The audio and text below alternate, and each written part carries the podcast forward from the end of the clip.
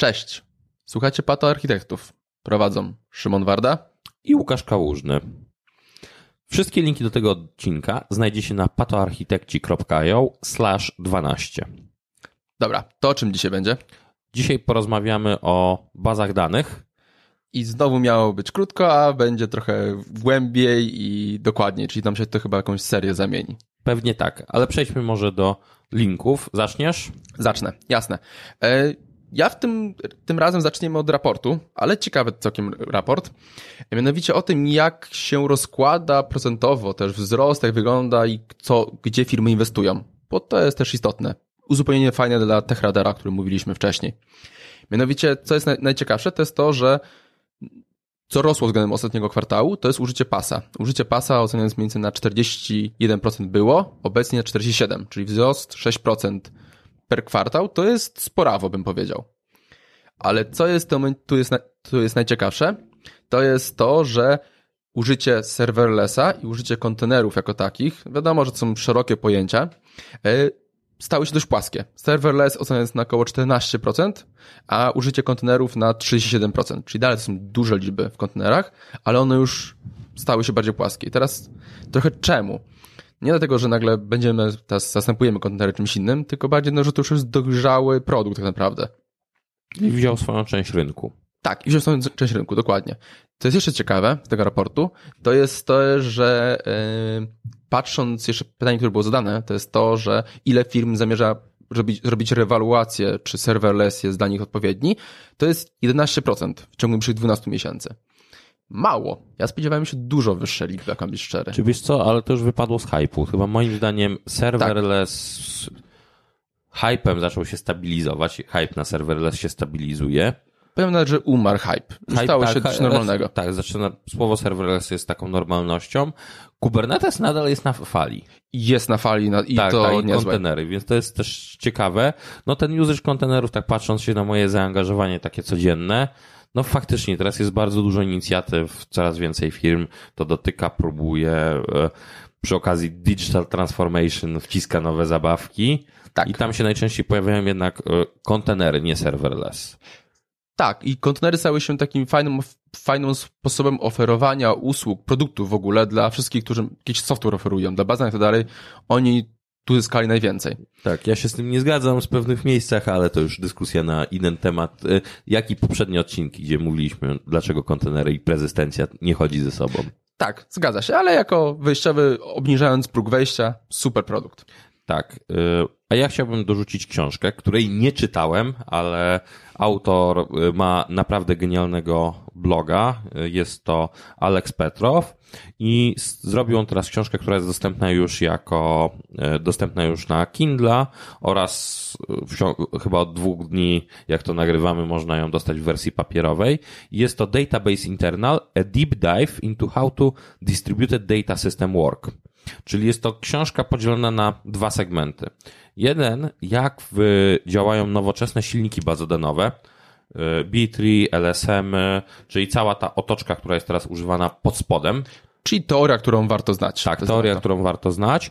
A druga część to jest, e, są systemy rozproszone i stanowość, ponieważ te nowoczesne bazy danych rozproszone używają bardzo dużo z różnych algorytmów, więc kończy się nawet na algorytmach ustalenia quorum, konsensusu, yy, replikacji. Więc Polecam, sam teraz czekam, Szymon się ze mnie śmieje, bo czekam na wersję papierową, aż do mnie przyjedzie. Nie ogarniam, po co wersje papierowe. Nie musisz. A ja dorzucę jedną rzecz. Jeżeli ktoś jest zainteresowany tematem, jest bardzo fajny papier Microsoftu, który powstał w kontekście kosmosa, w którym oni tłumaczą właśnie konsensus rozproszony na, na podstawie właśnie w kosmosie, jak działa, ale papier jest bardzo ogólny. Siedem stron, naprawdę mięsistego tekstu o tym właśnie, jak są pozostałe, jak się rozwiązuje konflikty, jak monitorować. Super, tak. ale Nie... ciężki, kawałek, cięż, ciężki kawałek czytania. Tak, ta książka to jest też w sumie jest y, jest open source'owa, nazwijmy, bo będzie, odwołuje się w sumie do 10, w niektórych miejscach nawet do 10 open source'owych baz danych i implementacji, żeby pokazać różnicę, y, a w referencjach mamy ponad 100 white paperów, 100, 100 paperów y, akademickich są w referencjach, więc jest takie multum upakowane. Tak, wygląda na coś fajnego, zdecydowanie. Temat główny? Tak. Porozmawiamy o key value, ale powiedz mi, czemu robimy kolejną serię odcinków, zamiast powiedzieć w ogóle w jednym odcinku o wszystkich typach bazach danych. Jasne, bo to jest temat ogromny. Ja tak, tak trochę żartuję, że często jest tak, że bazę danych wybieramy jak y, lunch. Albo bierzemy to, co biorą wszyscy, albo bierzemy to, co braliśmy ostatnio. A to jest z reguły najbardziej kosztowny, największy, najbardziej wpływający na wydajność element naszego, naszego systemu. To jest wybitnie nie powinniśmy robić. To nie jest, nie jest taki kawałek, który można powiedzieć, ja tam serverless to tam jeden odcinek. Nie, baza danych też jeden odcinek. To jest coś naprawdę skomplikowanego i tam się dużo dzieje, zresztą jak książka pokazuje. Tak, no i trzeba wyjść chyba od modeli danych, że tak naprawdę nie jesteśmy świadomi, że e, SQL to nie koniec. Y, to tak, to jest zdecydowanie nie koniec, to jest to najwyższy poziom rozwinięcia baz danych, ale też ma swoje minusy, o których też już wiemy, czemu SQL w chmurze tak różnie się zachowuje. Dobra, to może przejdźmy teraz, czym jest sama baza key value, o której dzisiaj rozmawiamy. W dwóch zdaniach jak zwykle? Tak, w dwóch zdaniach. Dobra. Jest to baza, której, ob której obiekty składają się z klucza i wartości, gdzie klucz jest unikalnym identyfikatorem, a wartość jest blobem. Dobra, to ja teraz się przyczepię do tego bloba. Dajesz? Bo blob to w założeniu jest jakiś ciąg znaków albo binarny. Tak, doprecyzujmy, nie mówimy o blobie z naszego blob storage'a. Tak, jest to blob jako e, element wiersza, czyli bo mamy, tak. nasz wiersz ma tylko dwie wartości. Ma klucz i jakąś wartość. I jakąś wartość. I ta wartość może mieć jakiś jeden konkretny typ danych, nie musi być po prostu stringiem, ciągiem binarnym. Tak, generalnie baza się nie interesuje w ogóle, czym jest ta wartość tak naprawdę, nie ma świadomości tego, to jest, to jest ważne. Tak, a nasz driver chyba i sposób połączenia może tylko to interpretować. Tak, my interpretujemy to deserializując te wartości, dokładnie. Dobra, to czemu stosować struktury key value i do czego? Do prędkości. To są mega fajne struktury, kiedy zależy nam na prędkości i możemy zidentyfikować naszą wartość po unikalnym kluczu. Z prostoty wynikają fajne rzeczy jak szybkość i niezawodność, dlatego. Dobra, to mm, czemu ta wydajność? Będzie wskazać wydajność, co musi być w ogóle zrobione, żeby to było wydajne? Co musimy zrobić, żeby to było wydajne? Jak powiedzieliśmy sobie, że y, po pierwsze możemy łatwo namierzyć na który serwer, żeby to było wydajne, doskonale wiemy z baz relacyjnych, że najlepiej się robi odczyty po indeksie. W bazie key value mamy tylko indeks do odczytu, do identyfikacji, identyfikacji nasze, naszego wiersza i ponieważ tam nie mamy tej całotoczki, nie mamy, często nie mamy transakcyjności, o tym jeszcze powiemy tak naprawdę, jak to wygląda, nie mamy joinów, nie mamy obudówki, sporo bazanych w ogóle mieści się poniżej 100 MB w rozmiarze. Te rzeczy po prostu będą bardzo, bardzo szybkie. Dobra, to tak omówiliśmy sobie ogólnie, potem wejdziemy jeszcze w detale, to powiedz mi teraz przykłady takich baz danych najpopularniejszych. Jasne, my sobie powiemy o trzech takich bardzo popularnych. Jest Memcached, jest Rayak Key Value, bo jest też Rayak TS, czyli Time Series i najpopularniejsza, mianowicie Redis. Okej. Okay. I to ja bym jeszcze tutaj dorzucił dwie, z mojego punktu widzenia dla mnie fajne, ale mniej popularne. E, jest to Level DB od Google'a, no i jego taki bardzo rozwijany fork e, zrobiony przez Facebooka jako RocksDB, tylko one są tak naprawdę trochę hardkorowe, bo to są wbudowane bazy danych, które, które możemy sami wykorzystać do budowy swoich rozwiązań, ale warto zobaczyć sobie w szczególności dokumentację do Roxa, bo pokazuje dużo ciekawych e, smaczków użycia, tak jak rozmawialiśmy o Azure Storage Table też w, poprzednim, mm -hmm. w poprzednich odcinkach, gdzie dokumentacja też była świetna, żeby pokazać te modelowanie. Dobra, to czym te bazy, których powiedziałeś, te trzy bazy, czym one się, od, czym one się tutaj wyróżniają, różnią się od siebie? Wszystkim praktycznie się od siebie różnią. Zupełnie inne podejścia, jeżeli chodzimy, jeżeli chodzi o każdy obszar. Ale żeby na przykładzie. Zacznijmy od Memcache'a. Memcached. Jak myślimy o bazach danych, to myślimy o tym, że bazy służą do czego? Do przechowywania danych. No Memcached nie. Memcache to jest taki, to jest typowy cache, baza, baza key value, ale jak, jak Memcache działa? Stawiam sobie Memcache na serwerze, co, jako cache. Pytamy się, czy obiekt jest, jak obiekt jest, tego pobieramy. Ale teraz Memcache żyje całkowicie w pamięci, nie ma żadnej opcji persystencji, więc teraz, skoro żyje całkowicie, całkowicie w pamięci, to teraz co zrobić, jak chcemy dodać wartość, a kończy mu się pamięć? No i tu właśnie wchodzi magia, czemu Memcache jest inną bazą danych, ponieważ co robi Memcache? Używa algorytmu LR-u, least recently used unit, czyli bierze, o, bierze elementy, które były najrzadziej używane, usuwa je, usuwa je do tego momentu, aż będzie miał odpowiednio dużo pamięci, żeby ten nasz nowy wiersz wstawić. No i tak to działa. I teraz jeszcze co jest fajne, to jest, że Memcache jest ultra prosty. Tak to nawet widzicie, jak to działa. Że w tym momencie to klient musi wiedzieć generalnie o całej, całej budowie klas, tak dalej, tak dalej. Memcache tylko trzyma obiekty, jest takim zdalnym serwerem do trzymania obiektów. Nic więcej praktycznie. Czyli już możemy wyróżnić jedno z takich zastosowań y, dla key value, dla bus key value, że są w szczególności one in memory. Bardzo I, dużo ich jest, tak, dokładnie. Tak, a druga y, ich zaleta to jest to, że nadają się świetnie do y, cache'owania różnych rzeczy, sesji, jakiegoś stanu, innych rzeczy, żeby wspierać odczyty. Tak, dokładnie, bo na tym polegają. No, zresztą sam Redis swoje, swoje wewnętrzne metryki mierzy milisekundach, o ile pamiętam generalnie. Wiesz co, to jeszcze zanim przejdziesz do kolejnych, no. E, bo mówimy tutaj o wydajności innych rzeczy. Jakie są w ogóle przewagi baz danych e, key value nad, e, nad resztą? Bo już o paru rzeczach wspomniałeś, ale żeby to ułożyć. Jasne.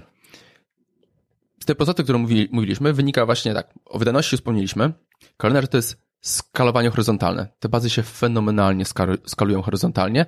Mają różne pomysły, jak to dokładnie robić, ale tak mówimy, że bazy relacyjne się nie skalują horyzontalnie, no nie da rady, to ponieważ w bazach value mamy rozdzielenie, że mamy klucz wartość, nie mamy połączeń między innymi wartościami, to nieważne, który rekord gdzie umieścimy. Możemy to po prostu na kolejnych, kolejnych maszynach rozrzucać i tylko mieć taki serwer rutujący z przodu. Super. Kolejna wersja to jest utrzymanie tego, monitorowanie. Te bazy niewiele mają, nie mają profilerów, bo pytamy zawsze po indeksie. Więc nie, nie mamy całej otoczki administracyjnej, co się stanie przy failach, tak dalej. To są ultra proste bazy, a co więcej, jak żyją w pamięci, to w tym momencie nie zajmujemy się persystencją i tak dalej. Proste rzeczy działają lepiej. Tak, to ja jeszcze takie dorzucę, bo będę miał do ciebie zaraz dwa pytania i w sumie będziesz mógł się do nich odnieść. Pierwszym to y, mówiłeś o jeszcze przy wydajności i przy tym odpytywaniu, bo to mhm. ciągle wraca, e, przy partycjonowaniu zresztą też. Co z takimi rzeczami jak e, wildcard query po kluczu, prefix, e, tak zwane prefix siki, postfix siki na takiej bazie, czyli przeszukiwanie kluczy? Jasne, dobre pytanie. No bo jeżeli mamy indeks, to jest jakieś tam drzewo, zresztą, a w kontekście tej książki tam tych algorytmów jest trochę, ale z reguły to jest jakieś bitry. No i teraz tak, jeżeli mamy jednoznacznie wiersz, to znalezienie jest bardzo szybkie, bardzo wydajne. Jeżeli mamy gwiazdkę, czyli lajka tego z prawej strony, to też, no bo może, możemy wyszukiwać, yy, możemy wyszukiwać przy drzewie. Natomiast jeżeli mamy gwiazdkę z przodu, sorry, to nie będzie działało. Na każdym niemalże serwerze, nawet w SQL serwerze, like po prawej stronie jest jeszcze do przeżycia. Jak mamy gwiazdkę z lewej strony, to w tym momencie musimy przeskonować wszystkie wiersze i to już jest wolne. Część baz to umożliwia, Większość z nich to utrudnia. To Redis utrudnia pobieranie, robienie skana właśnie po, e, skana po kluczach. Teraz coraz bardziej zaczęli to umożliwiać, ale ograniczają, mam na to jakiś pomysł, jak to zrobić. Z mojej, co u nas było raz, no to jak mieliśmy właśnie złe zapytanie, no to skan, nagle odpowiedzi, niektóre odpowiedzi od Redisa zajmowały nam po kilka sekund, gdzie z reguły się mieszczą na poziomie jednej milisekundy. Więc tak, to daje skalę, jak bardzo. A z klucza mieliśmy około chyba 300 tysięcy, które musiał przeskanować. Dobra. To jeszcze teraz kolejne, bo powiedziałeś, że partycjonowanie jest proste. Czemu? Jasne. Jest kilka modeli, ale generalnie czemu? Jest prosty myk, że jak najprościej możemy partycjonować. Możemy powiedzieć tak, że klucze o wartości zhaszowania na przykład też od 1 do miliarda są na tym serwerze, kolejne na tym serwerze, kolejne na tym serwerze i możemy to nawet klient sam może ładnie rozrzucać.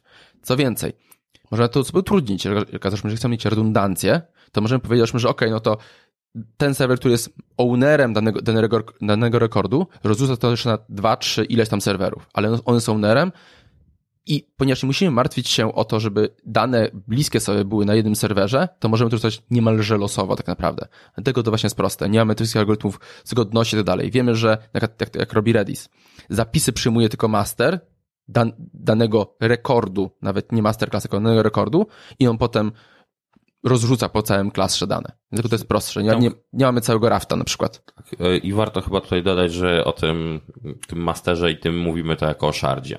Tak. W tym kawałku, ta partycji horyzontalnej to jest shard, który jest tam tak, masterem dokładnie. wtedy swojego zakresu. Tak, nazwisko właśnie po shardingu weszło bardziej w mazy relacyjne, ale to się do tego samego sprowadza.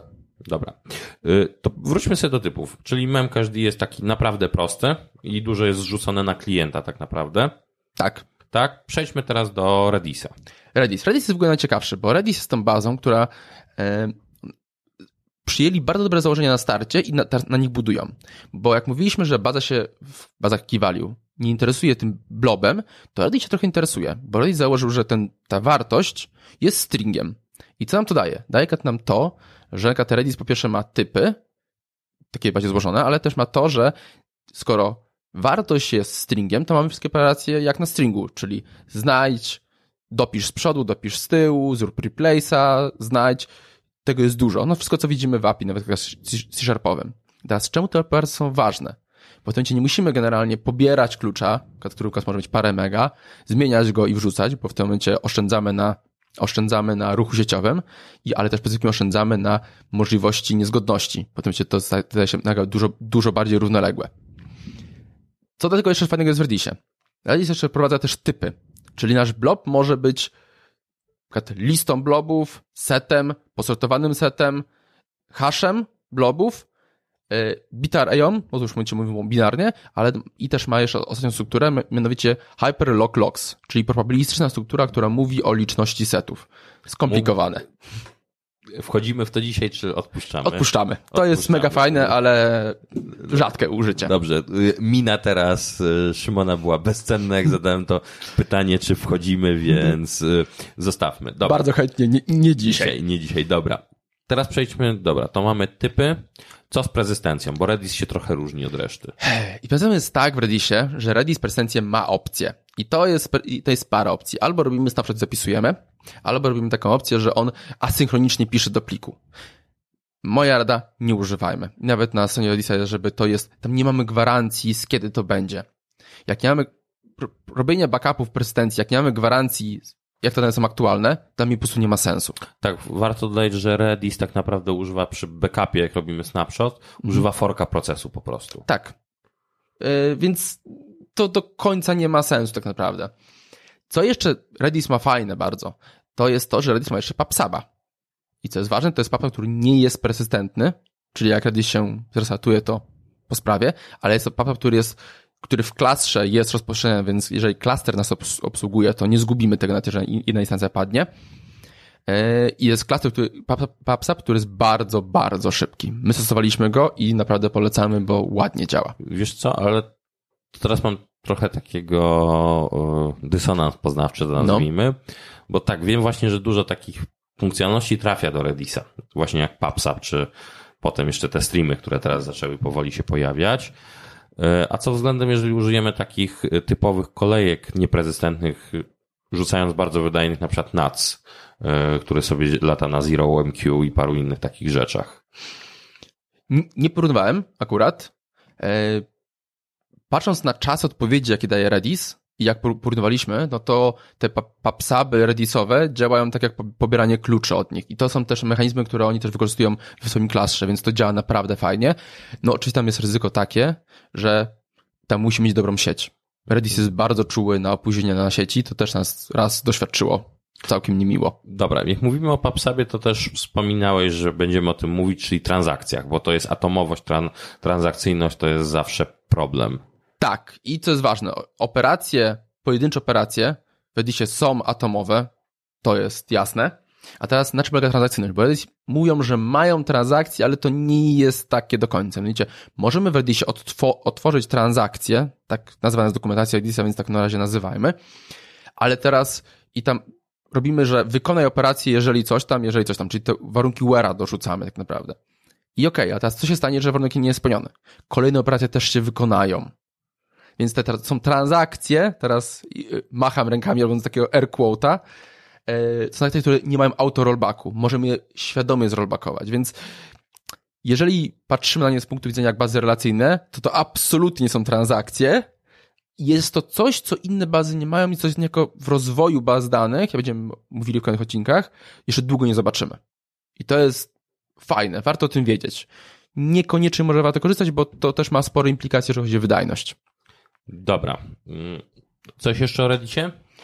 Mm, a, o Reddicie jeszcze jak jest klastrowany, bo Redis ma mega fajny mechanizm klastrowania. Mianowicie Redis ma mechanizm taki, że ma master, master slave tree, czyli możemy, każdy node może być masterem na kolejnych i jak działa też klastrowanie w Reddisie. Mianowicie tak, że to klient trzyma topologię klastra, czyli połączenie wszystkich nodów, ale co się stanie, jeżeli klient strzeli do, node, do noda, który nie ma tej wartości? Dostanie zwrotkę od Redisa, nie, nie, nie. Ta wartość i ten przedział jest pod tym nodem. I to jest fajne właśnie, że node, który nie jest masterem dla danego wiersza, nie przyjmie zapisu. Bardzo prosta implementacja, bardzo dużo ułatwia, po prostu też klienci muszą być trochę skomplikowani. Jest bardzo fajny klient e, do Redisa z Stack Overflow'a, bo no korzystają tak. bardzo dużo z Redisa. Tak, oni tak, namiętnie wspominaliśmy też kiedyś o raporcie. Tak. Można tam, go podlinkować, że zwłaszcza ten o cache'u był chyba tak, też dotykał Redisa. Tam chyba ostatnio jak się fali, to był półtora ramu. No, jest, jest już to sporo.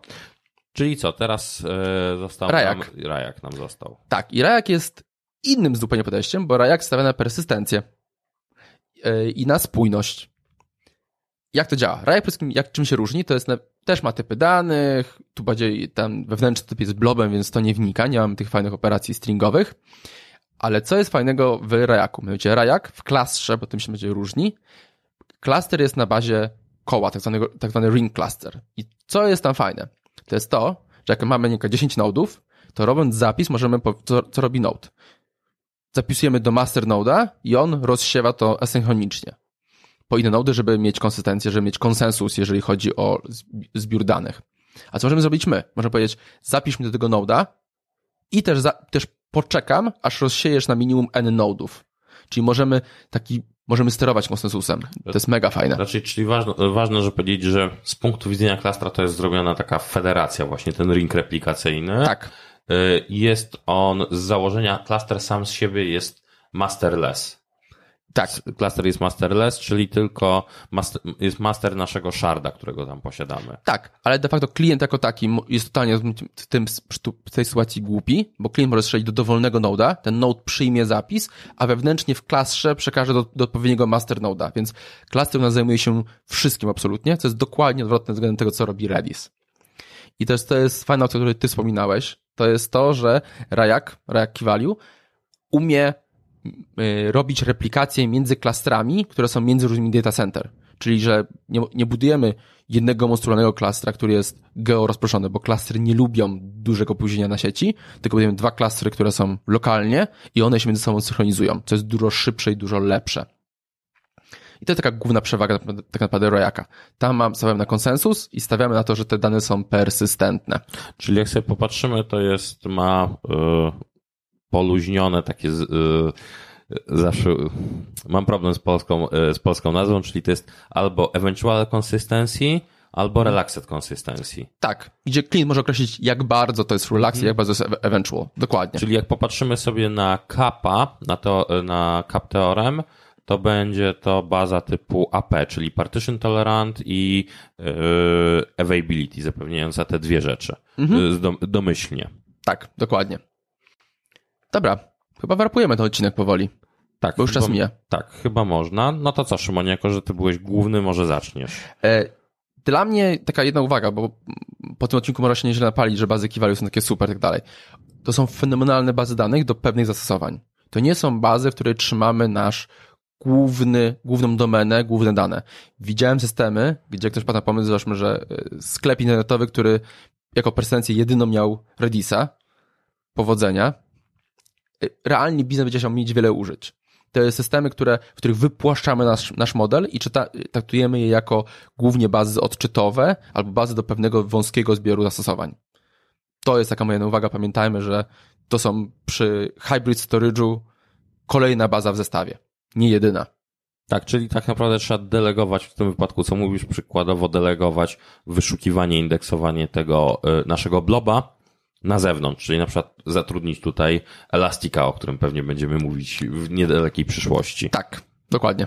Dobra, czyli z mojej to będzie właśnie z tej prostoty. Wynika nam wydajność i łatwość utrzymania, tylko trzeba pamiętać o rzeczach operacyjnych, bo w takim enterprise'owym spojrzeniu Y, bazy key value przez softy do backupu, inne takie narzędzia. Nie są to popularne rzeczy, które są dostępne, że twój enterprise'owy soft do backupu będzie potrafił backupować których tych baz danych. Tak, wracamy do pytania, czy powinniśmy backupować bazy key value. Ja będę stał na stanowisku, że nie do końca, bo to jest antystore do spłaszczonych danych normalnie. Powinniśmy, jeżeli mamy tam jak stack, mamy tam kilkaset gigabajtów, to w rozumiem, czemu jest potrzeba. Tak. y, No i druga rzecz, taka już z mojego punktu widzenia kończąc, to jeżeli poradzimy sobie z rzeczami operacyjnymi, przyjmiemy to, że mamy, że tak powiem, różne problemy z danymi, czyli że key value może być wtedy podstawowym storem, jeżeli zapewnimy indeksowanie, backup, inne rzeczy.